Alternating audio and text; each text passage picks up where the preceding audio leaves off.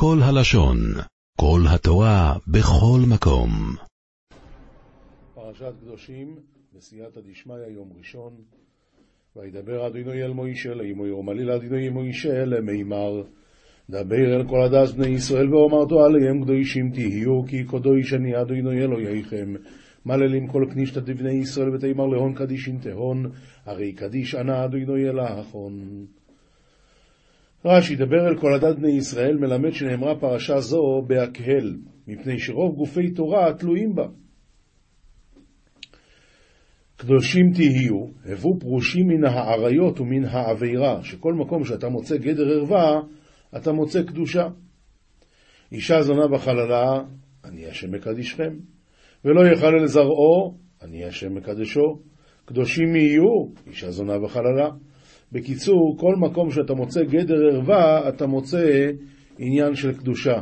אז גם פה, קדושים תהיו, הכוונה, הבו פרושים מן האריות ומן העבירה.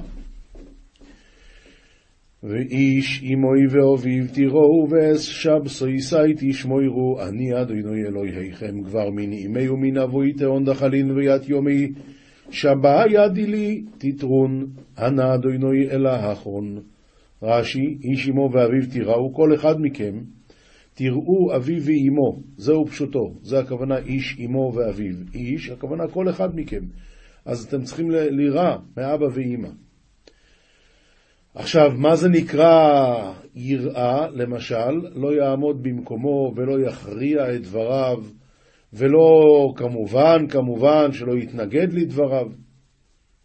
ומדרשו, אין לי אלא איש, אישה מניין, כשהוא אומר תיראו, הרי כאן שניים, אם כן, למה נאמר איש? שהאיש סיפק בידו לעשות, אבל אישה, רשות אחרים עליה. האביו, אמו ואביו תיראו כאן הקדים אם לאב לפי שגלוי ולפ...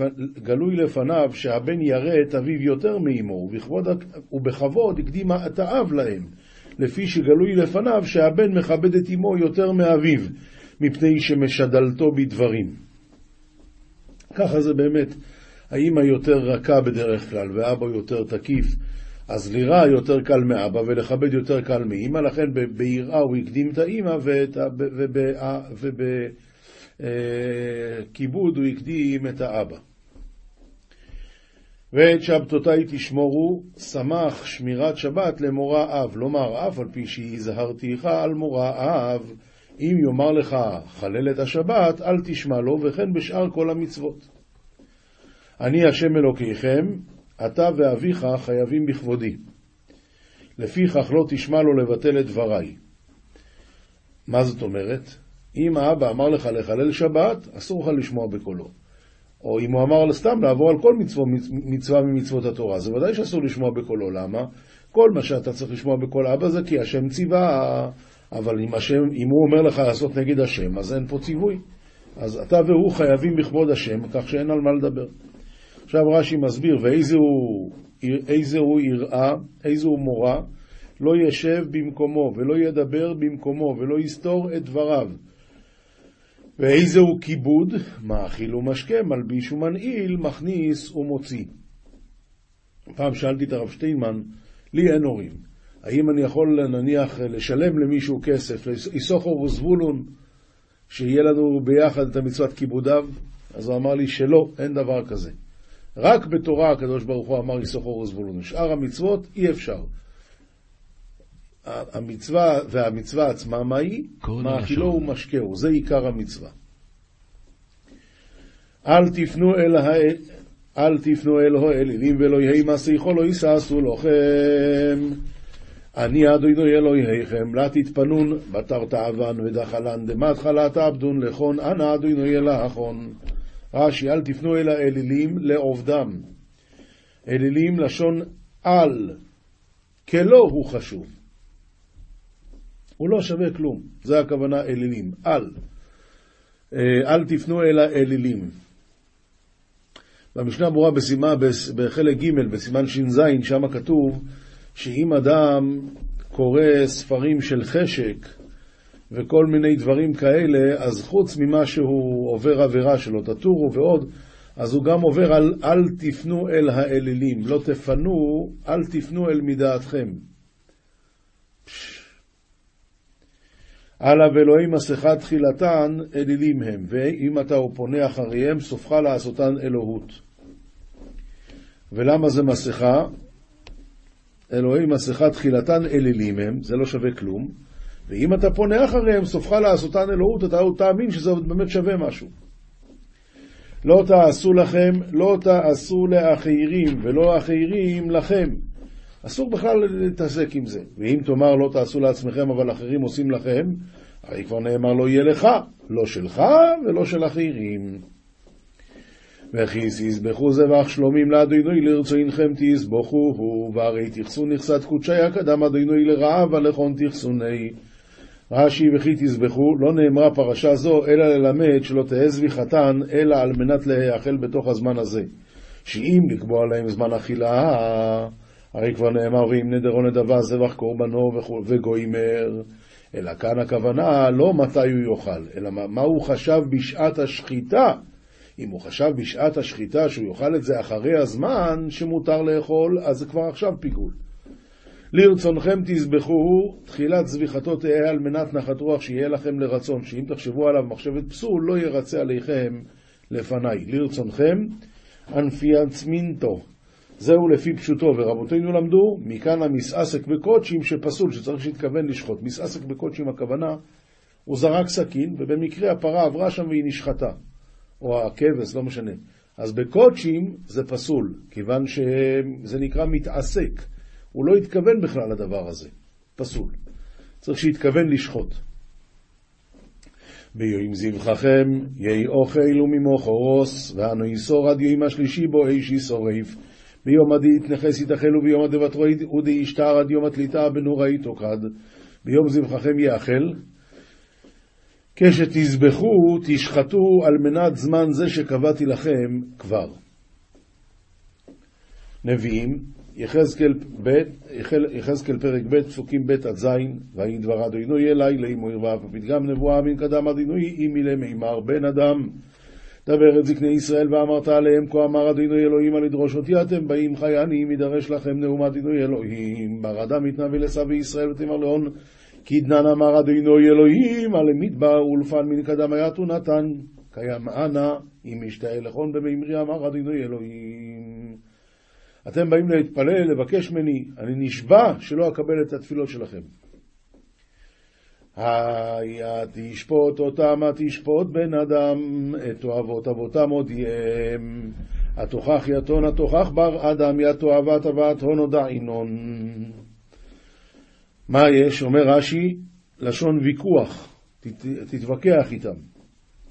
ואמרת עליהם כה אמר אדינו אלוהים ביום בחרי בישראל ואעשה ידי לזרע בית יעקב ויוודע להם בארץ מצרים ואעשה ידי להם לאמור אני אדינו אלוהיכם ותאמר לאון כדנן אמר אדינו אלוהים ביום עדי התראיתי בישראל וקיימית לאון במאמרי לזרע דבית יעקב והתגליתי למפרקון בערד דמצרים וקיימת במאמרי לאון למימר אנא אדינו אלאחון רש"י אין רש"י, אבל במפרש כאן הוא מסביר ותאמר להם, כך אמר השם, ביום אשר בחרתי בישראל, כשהיו במצרים, ונשבעתי להוציאם משם, נגליתי עליהם ונשבעתי להם שאני אהיה להם לאלוקים.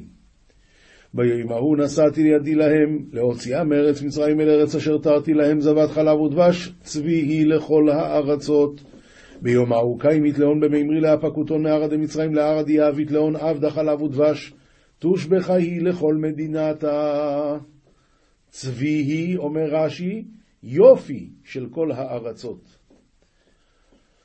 איי, ואומר עליהם איש יקוצי עינה ואשליכו ובגילולי מצרים אל תטמאו אני אדינו אלוהיכם והמרת לאון כבר יד שיקוצון שיקוצו ירחיקו מכבל עינוי ובפולחן תאוות מצרי לה תסתאבון אנא אדינו אלאחון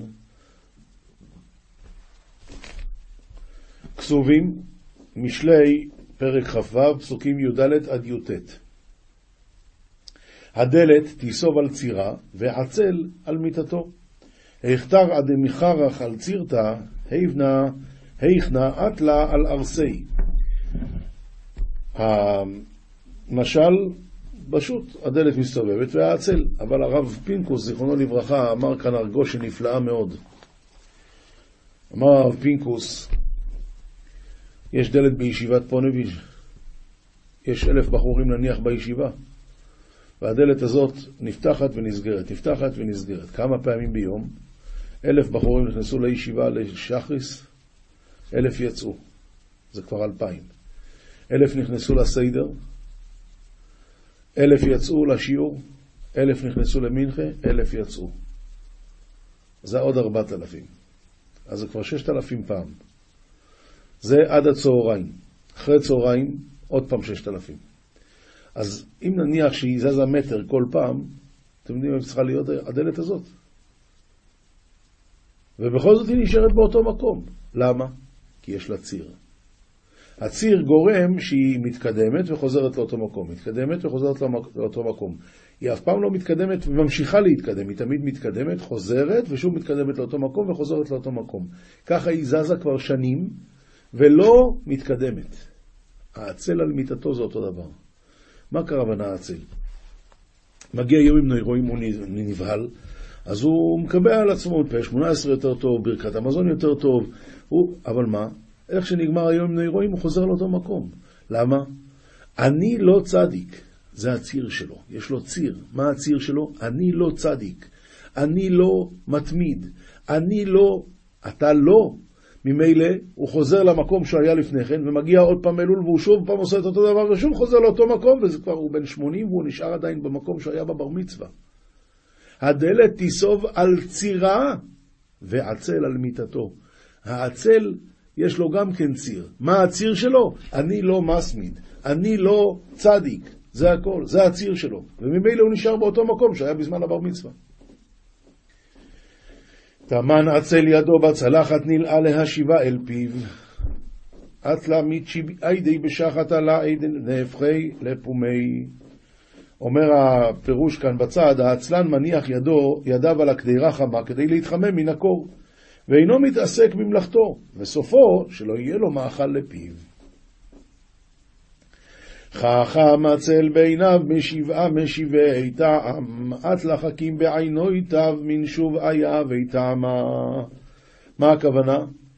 העצל, יש לו תירוצים על כל דבר, והוא חכם בעיניו יותר משבעה משבעי טעם. משבעה אנשים חכמים שמסבירים לו, הוא יותר חכם מהם. למה? ככה זה, העצל. ומחזיק באוזני כלב, עובר מתעבר על ריב, לא לא. דלחת בהודנוי דקל בנצי ומתנצי על דינא דלא דילי. אומר כאן הפירוש, העצלן חכם בעיני עצמו, אה, הכועס במריבה שאינה שייכת לו, גורם לעצמו הפסד חינם, כי האדם המחזיק באוזני הכלב, שימשכנו הכלב חינם, ישכנו הכלב חינם. מחזיק באוזני כלב, כן, מה אתה, מה אתה, מה אתה מתעסק עם ריב שלא שייך אליך? כמתלעלע היורה זיקים חיצים ומוות, איכו דמתחת דפשת גירי, שניני דמותה. כמתלעלע, אומר רש"י, כמתייגע לראות זיקים של אש, כמתייגע לראות זיקים של אש. נו, מה איתו? כן, איש רימה את רעהו ואמר, הלא משחק אני. איך נגברה דימרמי בחברי ואמר, מי גחך גחכית. אומר הרש"י, כך כן איש רימה שמפתה את רעהו לדבר עבירה. וכשחברו מרגיש שהוא מטעה אותו, אומר לא, משחק אני. ככה זה בן אדם שיורה חיצים מורעלים על השני, ואומר לא, זה סתם. אין דבר כזה סתם. משנה מסכת כלאיים, פרק ו', איזהו אריס? הרב אומר, אריס, קודם כל, מה הדין של אריס? צריכים לתת לו ארבע אמות, אה, להרחיק ממנו ארבע אמות. עכשיו, מה זה אריס? אריס הוא שמסרגים קנים כמו ארס, כדרך שמסרגים את המיטות, שעושים כזה שתי וערב, ככה עושים בשביל הגפן, שיהיה לה על מה להתעלות, הרי הגפן היא בעצם אין לה כוח לעמוד לבד, צריכים לתת לה להישען. אז הדין הוא אה, זה נקרא אריס, שמסרגים את, כמו שמסרגים את המיטות, ומדלין עליה סריגי הגפנים. אומר הרב, ואליבא דבית הלל, כבאי דאמרי לעיל בפרק ד', אינו כרם עד שיהיו שם שתי שורות. ובעריס מודו דבשורה אחת נמיה ואי כרם. הרי דיברנו בפרק ב' לגבי חמש אה, גפנים ששמו אותם בשורה, לא בשתיים מול שתיים וזנב יוצא, אלא בשורה. אז בית הלל סברו שזה נקרא אילנות רגילים, אין פה כרם, ולכן מספיק שיש, שישה טפחים הרחקה. אבל הם מודים באריס, אז עכשיו באה המשנה לדעת איזה הוא אריס. הנוטע שורה של חמש גפנים בצד הגדר שהוא גבוה עשרה טפחים, או בצד חריץ שהוא עמוק עשרה טפחים ורחב ארבעה, נותנים לו עבודתו ארבע אמות. למה? כיוון שה... ה... איך זה נקרא? הנוף של, ה... הנוף של הגפן הולך לשם, לכן נותנים לו עבודתו ארבע אמות כדין כרם. בית שמאי אומרים, מודדים ארבע אמות מעיקר הגפנים לשדה. לא... ובית הלל אומרים, מן הגדר לשדה. יוצא שבית הלל אה, אומרים שמן הגדר לשדה, אז הם מקילים יותר, כי איפה נמצא... הם מחמירים יותר, כיוון שכאן האילן, כאן הגדר, וזה מודלה לכיוון הגדר, ואז הוא אומר לך, מאיפה אתה מודד? מהגדר. אז זה עוד, עוד 400. לעומת זאת, אם זה מהגפן, אז זה ככה. לכן, שואלים באמת איך זה יכול להיות שזה מחומרי בית הלל וזה לא מופיע במסכת עדויות. עומר רבי יוחנן בן נורי, טועים כל האומרים כן, אלא אם יש שם 400 מעיקר גפנים ולגדר, נותנים לו את עבודתו וזורע את המותר. מה זאת אומרת נותנים לו את עבודתו וזורע את המותר? רק שישה טפחים, וזורע את המותר עד, עד הגדר.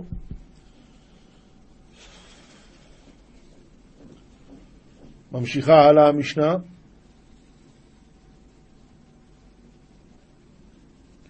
וכמה היא עבודת הגפן, כאן סתם הסבר כללי, כמה היא עבודת הגפן, אנחנו כבר יודעים, דיברנו על זה הרבה פעמים, אבל פה זה כתוב, שישה טפחים לכל רוח.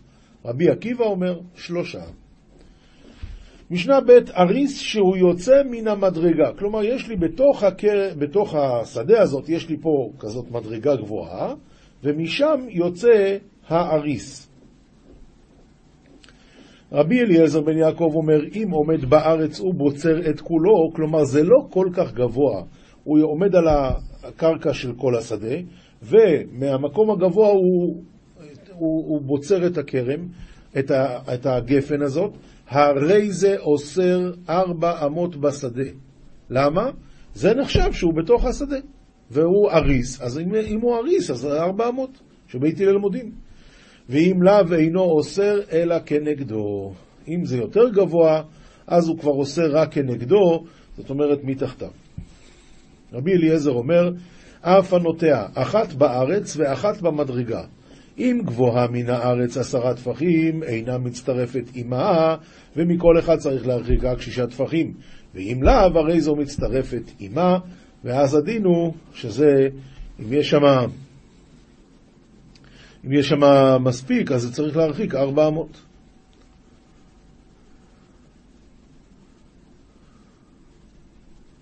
כן, משנה ג' שורה, סליחה, שורה אחת הכוונה, אחת הכוונה שורה אחת ועוד שורה אחת.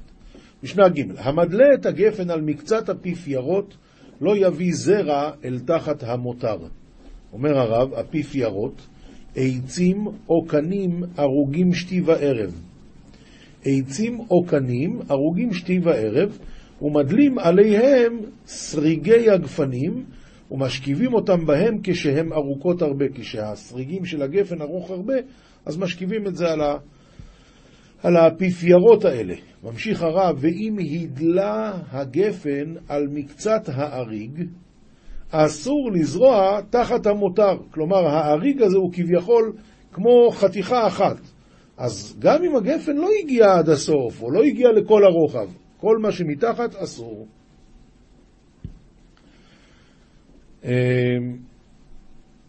לא יביא זרע אל תחת המותר. אם הביא, לא קידש. ואם הילך החדש, אסור. מה זה הילך החדש? שגדל הגפן והוציא שריגים ומילא את כל האפיפיירות, אז כמובן שאסור לנטוע, לזרוע שום דבר מתחת לאפיפיירות האלה. וכן המדלה על מקצת אילן סרק.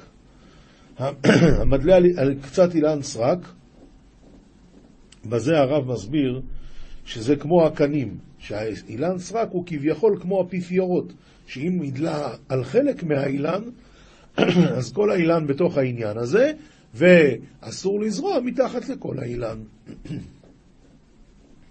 משנה ד' המדלה על הגפן על מקצת אילן מאכל. המדלה את הגפן על מקצת אילן מאכל. מותר להביא זרע אל תחת המותר, ואם הילך החדש, אז כמובן יחזירנו. מה פירוש יחזירנו? לפני שיוסיף מתי, מהר לקחת את זה משם. מעשה, שהלך רבי יהושע אצל רבי ישמעאל לכפר עזיז, והראהו גפן מודלה על מקצת תאנה. תאנה זה עץ מאכל. ואמר לו, מה אני להביא זרע אל תחת המותר, על, מתחת לשאר העץ? אמר לו, מותר. והעלהו משם לבית המגניה, שם של מקום אחר, והראהו גפן שהיא מודלה על מקצת הקורה וסדן של שקמה, ובו קורות הרבה. עכשיו אמר לו, תחת הקורה הזו אסור, והשאר מותר. כלומר, איפה שהגפן נמצאת ממש אסור, אבל כל השאר מותר. כאילו כל קורה וקורה זה אילן בפני עצמו. משנה ה' hey, איזהו אילן סרק כל שאינו עושה פירות. לעניין מה? מה שאמרנו מקודם, שאם הוא מדלה את הגפן על גבי אילן סרק, אז כל האילן יש לו דין של אפיפיירות, שהכל, מש... גם המותר אסור בזריעה. לעניין זה הוא אומר, איזהו אילן סרק? כל שאינו עושה פירות. רבי מאיר אומר, לא, הכל אילן סרק, חוץ מן הזית והתאנה. מה הוא מתכוון? הגפן הוא אילן כל כך חשוב, שכל אילן אחר מתבטל ל- ל- לידו, והופך להיות כביכול אילן סרק שכאן הגפן הוא העיקר, ולכן הוא נהיה אפיפיירות חוץ מן הזית והתאנה. רבי יויסי אומר, כל שאין כמוהו נוטעין שדות שלימות, הרי זה אילן סרק. טוב, אף אחד לא נוטע שדה של ברושים, מי צריך את זה? ברושים שמים בשביל הגבול, שמים, אבל לא נוטעים אילנות, שדות שלמים של אה, ברושים. לכן כל מה שלא נוטעים ממנו שדות שלימות, הרי זה אילן סרק. פסקי אריס, פסקי אריס. הכוונה, אריס שנפסק. אז הוא מסביר ככה, שמונה אמות ועוד. כלומר, אני צריך שכדי להיות אפשר לזרוע כאן, אני צריך שיהיה כאן הפסקה של שמונה אמות ועוד, יותר משמונה אמות. וכל מידות שאמרו חכמים בכרם, אין בהם ועוד, אלא ארבע אמות זה ארבע אמות, לא ועוד. חוץ מפסקי אריס, שפה חז"ל גזרו יותר, שצריך קצת יותר.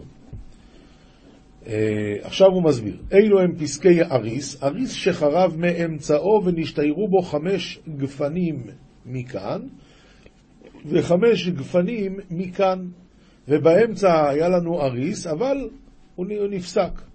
אם יש שם בין השורה הזאת לשורה הזאת, והנוף שעליהם, של האריס, יש לנו שמונה אמות, לא יביא זרע לשם. אבל אם יש שמונה אמות ועוד, אז נותנים לו כדי עבודתו, כלומר, אז נותנים לו כדי עבודתו, כלומר, אה, ארבע אמות, וזורע את המותר. מה המותר? הוועוד הזה, זה המותר. אריס, משנה ז', אריס שהוא יוצא מן הכותל, מתוך הקרן וכלה. אריס שהוא יוצא מן הכותל, אבל הוא לא ממלא את כל הקיר. אמ, מתוך הקרן, התחלתו, דהיינו, אה, ג' מצד אחד של הכותל, וכלה שתי גפנים בסופו. ובאמצע ריק בלי גפנים. נותנים לו עבודתו וזורע את המותר. רבי יוסי אומר, אם אין שם ארבע אמות, לא יביא זרע לשם. הרב מסביר ככה, אריס שהוא יוצא מן הכותל מתוך הקרן וקלה, כגון חמש גפנים הנטועות בצד גדר, ואין מחזיקות את כל הגדר, אלא שלוש בראש, בראש הקרן מזה, ושניים בראש הקרן השני מזה, ובאמצע יש לי שטח גדול שאין בו שום גפן ולא גם לא אריס, לא, לא שום דבר פה. אז נותנים לו עבודתו שיש, שישה טפחים מכאן ושישה טפחים מכאן, וזורע את שאר הכותל. רבי יוסי סובר לא, צריך ארבע אמות, ואם אין שם ארבע אמות, אז לא, לא יביא זרע לשם. משנה ח' הקנים היוצאים מן האריס, וחס עליהם לפוסקן, אז כנגדן מותר. זאת אומרת, יש לו קנה ארוך מאוד, ועל חלק מזה צומח את הגפן. עכשיו הוא לא, אז תחתוך, לא, הוא לא רוצה לחתוך. אבל השאלה אם מותר בהמשך של הקורה הזו, של, של האריס הזה, לזרוע מתחת. מה הדין? אז כנגדן מותר. עשאן כדי שיהלך עליהם מחדש? הוא עשה את זה בכוונה, כי הוא רוצה שהגפן עוד תגדל, אז אסור. הפרח היוצא מן האריס, מה זה הפרח? ענפי הגפן שיוצאים מן האריס יותר מעבודתו, כלומר יותר מ... אומר הרב, שבולטים חוץ לסדר האריס, וחס עליהם לפוסקם, הוא לא רוצה לחתוך את זה, רואים אותו כאילו מטוטלת תלויה בו. מה זה מטוטלת? כאילו שמו פה משקולת שהולכת למטה. מתחת אסור, מחוץ מהמתחת מותר. כנגדו אסור, וכן בדלית. דלית זה גם כן כזה צמח מטפס. המותח זמורה מאילן לאילן, תחתיה אסור.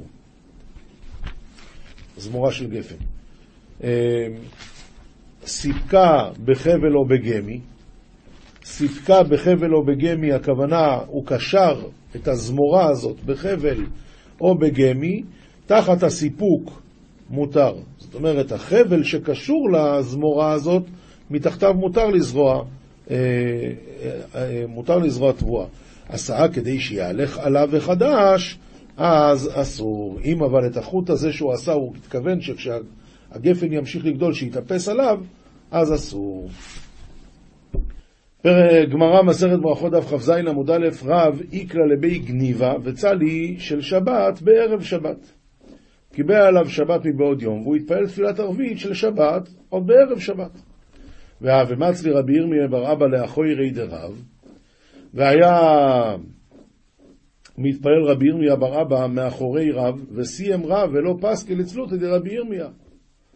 ורב סיים את התפילה שלו ולא לא הפסיק, לא רצה לעבור בין רבי ירמיה לקיר, להפסיק לפניו. שמע מן התלת, אומרת הגמרא, שמע מן המתפלל אדם של שבת בערב שבת, כן? ושמע מינה מתפלל תלמיד אחורי רבו, ושמע מינה אסור לעבור כנגד המתפללים. אומרת הגמרא, מסייע לי לרבי יהושע בן לוי, דאמר רבי יהושע בן לוי, אסור לעבור כנגד המתפללים, והנה לך ראיה שבאמת אסור שרבי, שרב לא הפסיק בין רבי ירמיה לכותל. שואלת הגמורה, איני והרבי עמי ורבי אסי חלפי, הם כן עברו לפני המתפלל. רבי עמי ורבי אסי, עונה הגמרא, מה שהם עברו זה היה חוץ לדלת אמות, הוא דחלפי.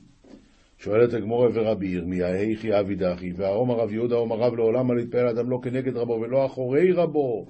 ותני רבי אליעזר אומר המתפעל אחורי רבו והנותן שלום לרבו והמחזיר שלום לרבו והחולק על ישיבתו של רבו והאומר דבר שלא שמע מפי רבו גורם לשכינה שתסתלק מישראל. אז איך יכול להיות שרבי ירמיה יתפלל מאחורי רב? עונה הגמרא, שייני רבי ירמיה בר אבא, דתלמיד חבר הווה. הוא לא היה סתם תלמיד, תלמיד חבר הווה. והיינו דקאומר לרבי ירמיה בר אבא לרב, מי בדלת? מה זאת אומרת מי בדלת? האם קיבלת על עצמך בדילה, להתבדל ממלאכה, מי בדלת ממלאכה? אמר לי, אין, בדילנה, ולא אמר מבדיל מר, הוא לא שאל אותו, הרב הפסיק? לא, הוא שאל אותו, האם אתה הפסקת? או, אז רואים מפה שהוא היה תלמיד חבר. שואלת הגמרא, ומי בדיל, והאם באמת רב הפסיק, קיבל על עצמו להיבדל ממלאכה, והעומר רבי אבין פעם אחת התפעל רבי של שבת בערב שבת, ונכנס למרחץ ויצא, ושנה לן פירקין, ועדיין לא חשכה. אז רואים שאחרי שהוא קיבל, שהוא, שהוא, שהוא uh, התפלל תפילת של שבת, הוא עדיין הלך למרחץ. אומר רובה, ההוא נכנס להזיע וקודם גזירה, והוא לא נכנס להתרחץ, הוא נכנס להזיע, וזה היה לפני הגזירה שגזרו שלא לא לעשות את זה בשבת, עדיין היה מותר, ולכן הוא עשה את זה. סיפר לי רב מיכל יהודה, זיכרונו לברכה, שפעם, הוא הרי היה רבה של, רב, של רב חיים קניאבסקי בישיבה. אז הוא סיפר שעשרות שנים אחר כך, אחרי שהוא היה רבה שלו, הם התפעלו ביחד בכהל חזוני איש ביום עם נוירואים. ורב חיים קניאבסקי ברוב ענוותנותו, בא לבקש רשות לעמוד מאחוריו בתפילה. כיוון שפה למדנו שאסור לתלמיד לעמוד מאחורי רבו בתפילה. הוא ביקש רשות. הוא סיפר את זה בהתפעלות, רב חיים קניבסקי באמת אחז שהוא תלמיד שלו. אבל הוא סיפר את זה בהתפעלות, שאף על פי כן, שכבר רב גוברי, אבל הוא בא לבקש רשות. זוהר, פרשת קדושים, דף פ עמוד א', וידבר אדינוי אל משה לאמור, דבר אל כל עדת בני ישראל, ואמרת עליהם, קדושים תהיו, כי קדוש אני אדינוי אלוהיכם. רבי אלעזר פתח, אל תהיו כסוס, כפרד, אין הבין וגוימר. בכמה זימני נורייתא עשידת בהו בבני נשה, כמה זימני נרימת קלין לכל סטרין להתערה להו.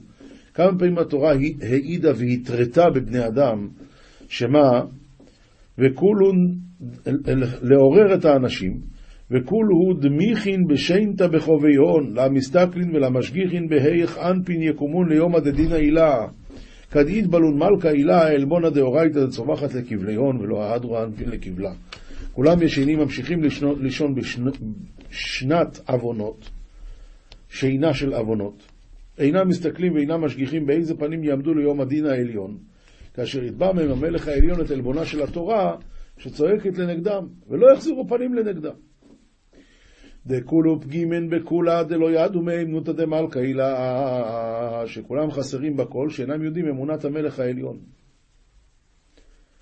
ואילון ואי לנפשיון דאורייתא בהו אסהידת ואמרת מי פתי אסורנה וחסר לב ואמרה לו אוי להם ואוי לנפשם שהרי התורה העידה בהם ואמרה פה הוא הנה מהו חסר לב? מה התורה אומרת חסר לב?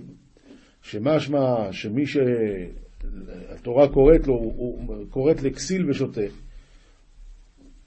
עונה, עונה הזוהר, דלית לי מהימנותא, דמאן דלה ישתדל באורייתא, לאו בי מהימנותא ופגים ומיקולה. מי שלא לומד תורה, אין, לו, אין בו אמונה, והוא פגום מכל. ואמרה לו, ואמרה לו, כתוב שמה, מפתי אסורנה וחסר לב, ואמרה לו. ואמרה לו, ואומרה לו. היא צריכה, התורה צריכה להגיד לו, אז מה זה ואמרה? ואומרה, שאני אגיד לו. אומרה לו מבא אלי. עונה הזוהר, כמו דעת אמר, אומרה לקל סלעי, מהו ואמרה? אלא לאכלה לה ולאיתוספה אורייתא דלעילא דאיקריא לי חסר לב, פגים נוטה. זה בא לכלול ולהוסיף את התורה שלמעלה, שהתורה שלמעלה גם קוראת לו חסר לב לאותו אדם שלא בא ללמוד תורה, שהוא חסר אמונה. דאחי תנינן כל מאן דלה ישתדל באורייתא אסיר למקרב לגבי להשתתפה בעדי ולמאה בעד בי סחורתא. שכך למדנו, כל מי שלא משתדל בתורה, אסור להתקרב אצלו להשתתף עמו ולעשות עמו מסחר אפילו. וכל שכן למאה ימי בארכה דעלית בי מהמנותא וכל שכן ללכת עמו בדרך שהרי אין בו אמונה, תנינן, כל ברנש דאזיל בארכה, ולהיתי מי מלי דאורייתא, יתחייב בנפשי. כל שכן מאן דאיזדבק באורחה, אם מאן דלית בי מאמנותא דלא חשיב לאיקרא דמרי וידידי, דלא חס על נפשי. אוי, כל אדם שהולך בדרך ואין עמו דברי תורה הוא מתחייב בנפשו. כל מי שמתחבר בדרך עם מי שאין לו אמונה, שאינו מחשיב כבוד אדונו ושלו, שאינו חס על נפשו, אז זה ממש אסור להתחבר איתו. רבי יהודה אמר, מאן דלא חס על נפשי, איך ישלוף נפשא דקשרא לברי. מי שאינו חס על נפשו, איך, איך ימשיך נפש כשרה לבנו. אומר רבי אלעזר, תבענה על דרא ויעית מרמילה וכולי. אני תמה על הדור ועל דא כתיב אל תהיו כסוס כפרד אין הבין. שלא תתנהגו כבהמות, רק תתנהגו בקדושה. זכאי נינון צדיקאי דמשתדלי באורייתא וידין אורחו דקות שבריחו ומקדשי גרמיו בקדוש דמלכה וישתכחו קדישין בחולה. אשרי הצדיקים שמשתדלים בתורה ויודעים דרכיו של הקדוש ברוך הוא מקדשים עצמם בקדושת המלך בעת החיבור ונמצאים קדושים מכל, בכל ובגין כך משל פירוחא דקדושא מלעילה וביניו כולו זכאי קשות ואיקרון בני מלכה בנין קדישין ומפני כך ממשיכים וברוח קדוש מלמעלה ובניהם כולם צדיקי אמת ונקראים בני המלך בנים קדושים. הלכה פסוקה רמב"ם הלכות איסורי ביאה פרק כ"ב אין דורשין בסתרי עריות בשלושה מפני שהאחד טרוד בשאלת הרב והשניים נושאים ונותנים זה עם זה ואין דעתם פנויה לשמוע. ולפי שדעתו של אדם קרובה אצל עריות אם נסתפק לו דבר ששמע מורה להקל אז, אז מורה להקל. לפיכך אין דורשים אלא לשניים כדי שיהיה האחד שומע מפנה דעתו ויודע מה שישמע מן הרב אין לך דבר בכל התורה כולה שהוא קשה לרוב העם לפרוש, אלא מן האריות והביאות האסורות. אמרו חכמים בשעה שנצטוו ישראל על האריות בכו, וקיבלו מצווה זו בתרעומות ובכייה, שנאמר בוכה למשפחותיו, על עסקי משפחות. ולכן הגמרא אומרת, עד היום לית כתובה דלא רמי בתיגרא, אין כתובה שאין בה איזה, איזה תיגרה, איזה אי נעימות. הכל בגלל שלכתחילה את המצווה הזאת קיבלו בבכיות. מוסר מספר שערי תשובה, רבינו יונה, צריך שיחקור וידע ויכיר עונש כל אחד מעוונותיו, באיזה מהן יש מלכות, ובאיזה יש חייבי כריתות, ובאיזה יש חייבי מיתות בית דין, למען ידע גודל עוונו בהתוודותו, וימרר בבכי על אשר הכעיס תמרורים, ולמען יוסיף להיכנע, ולמען יפחד מעוונותיו, כי העבירות החמורות תשובה תולה כפרתן, ואיסורים למרכין, וכן כתוב, ראי דרכך בגיא, דאי מעשית. וצריך להיות העבירות הקלות חמורות בעיניו לארבעה פנים. למה צריך לה, שהעבירות הקלות יהיו בעיניו חמורות? מארבע סיבות. האחד, כי אין לו להביט לקטנות העבירה, אבל יביט לגדולת מי שהזהיר עליה. אתה מסתכל על זה עבירה קטנה, תראה כמה גדול מי שאמר לא לעשות את זה. קדוש ברוך הוא. והשני כי היצר שולט בעבירות הקלות, ואולי תהי זאת סיבה להתמיד בהן.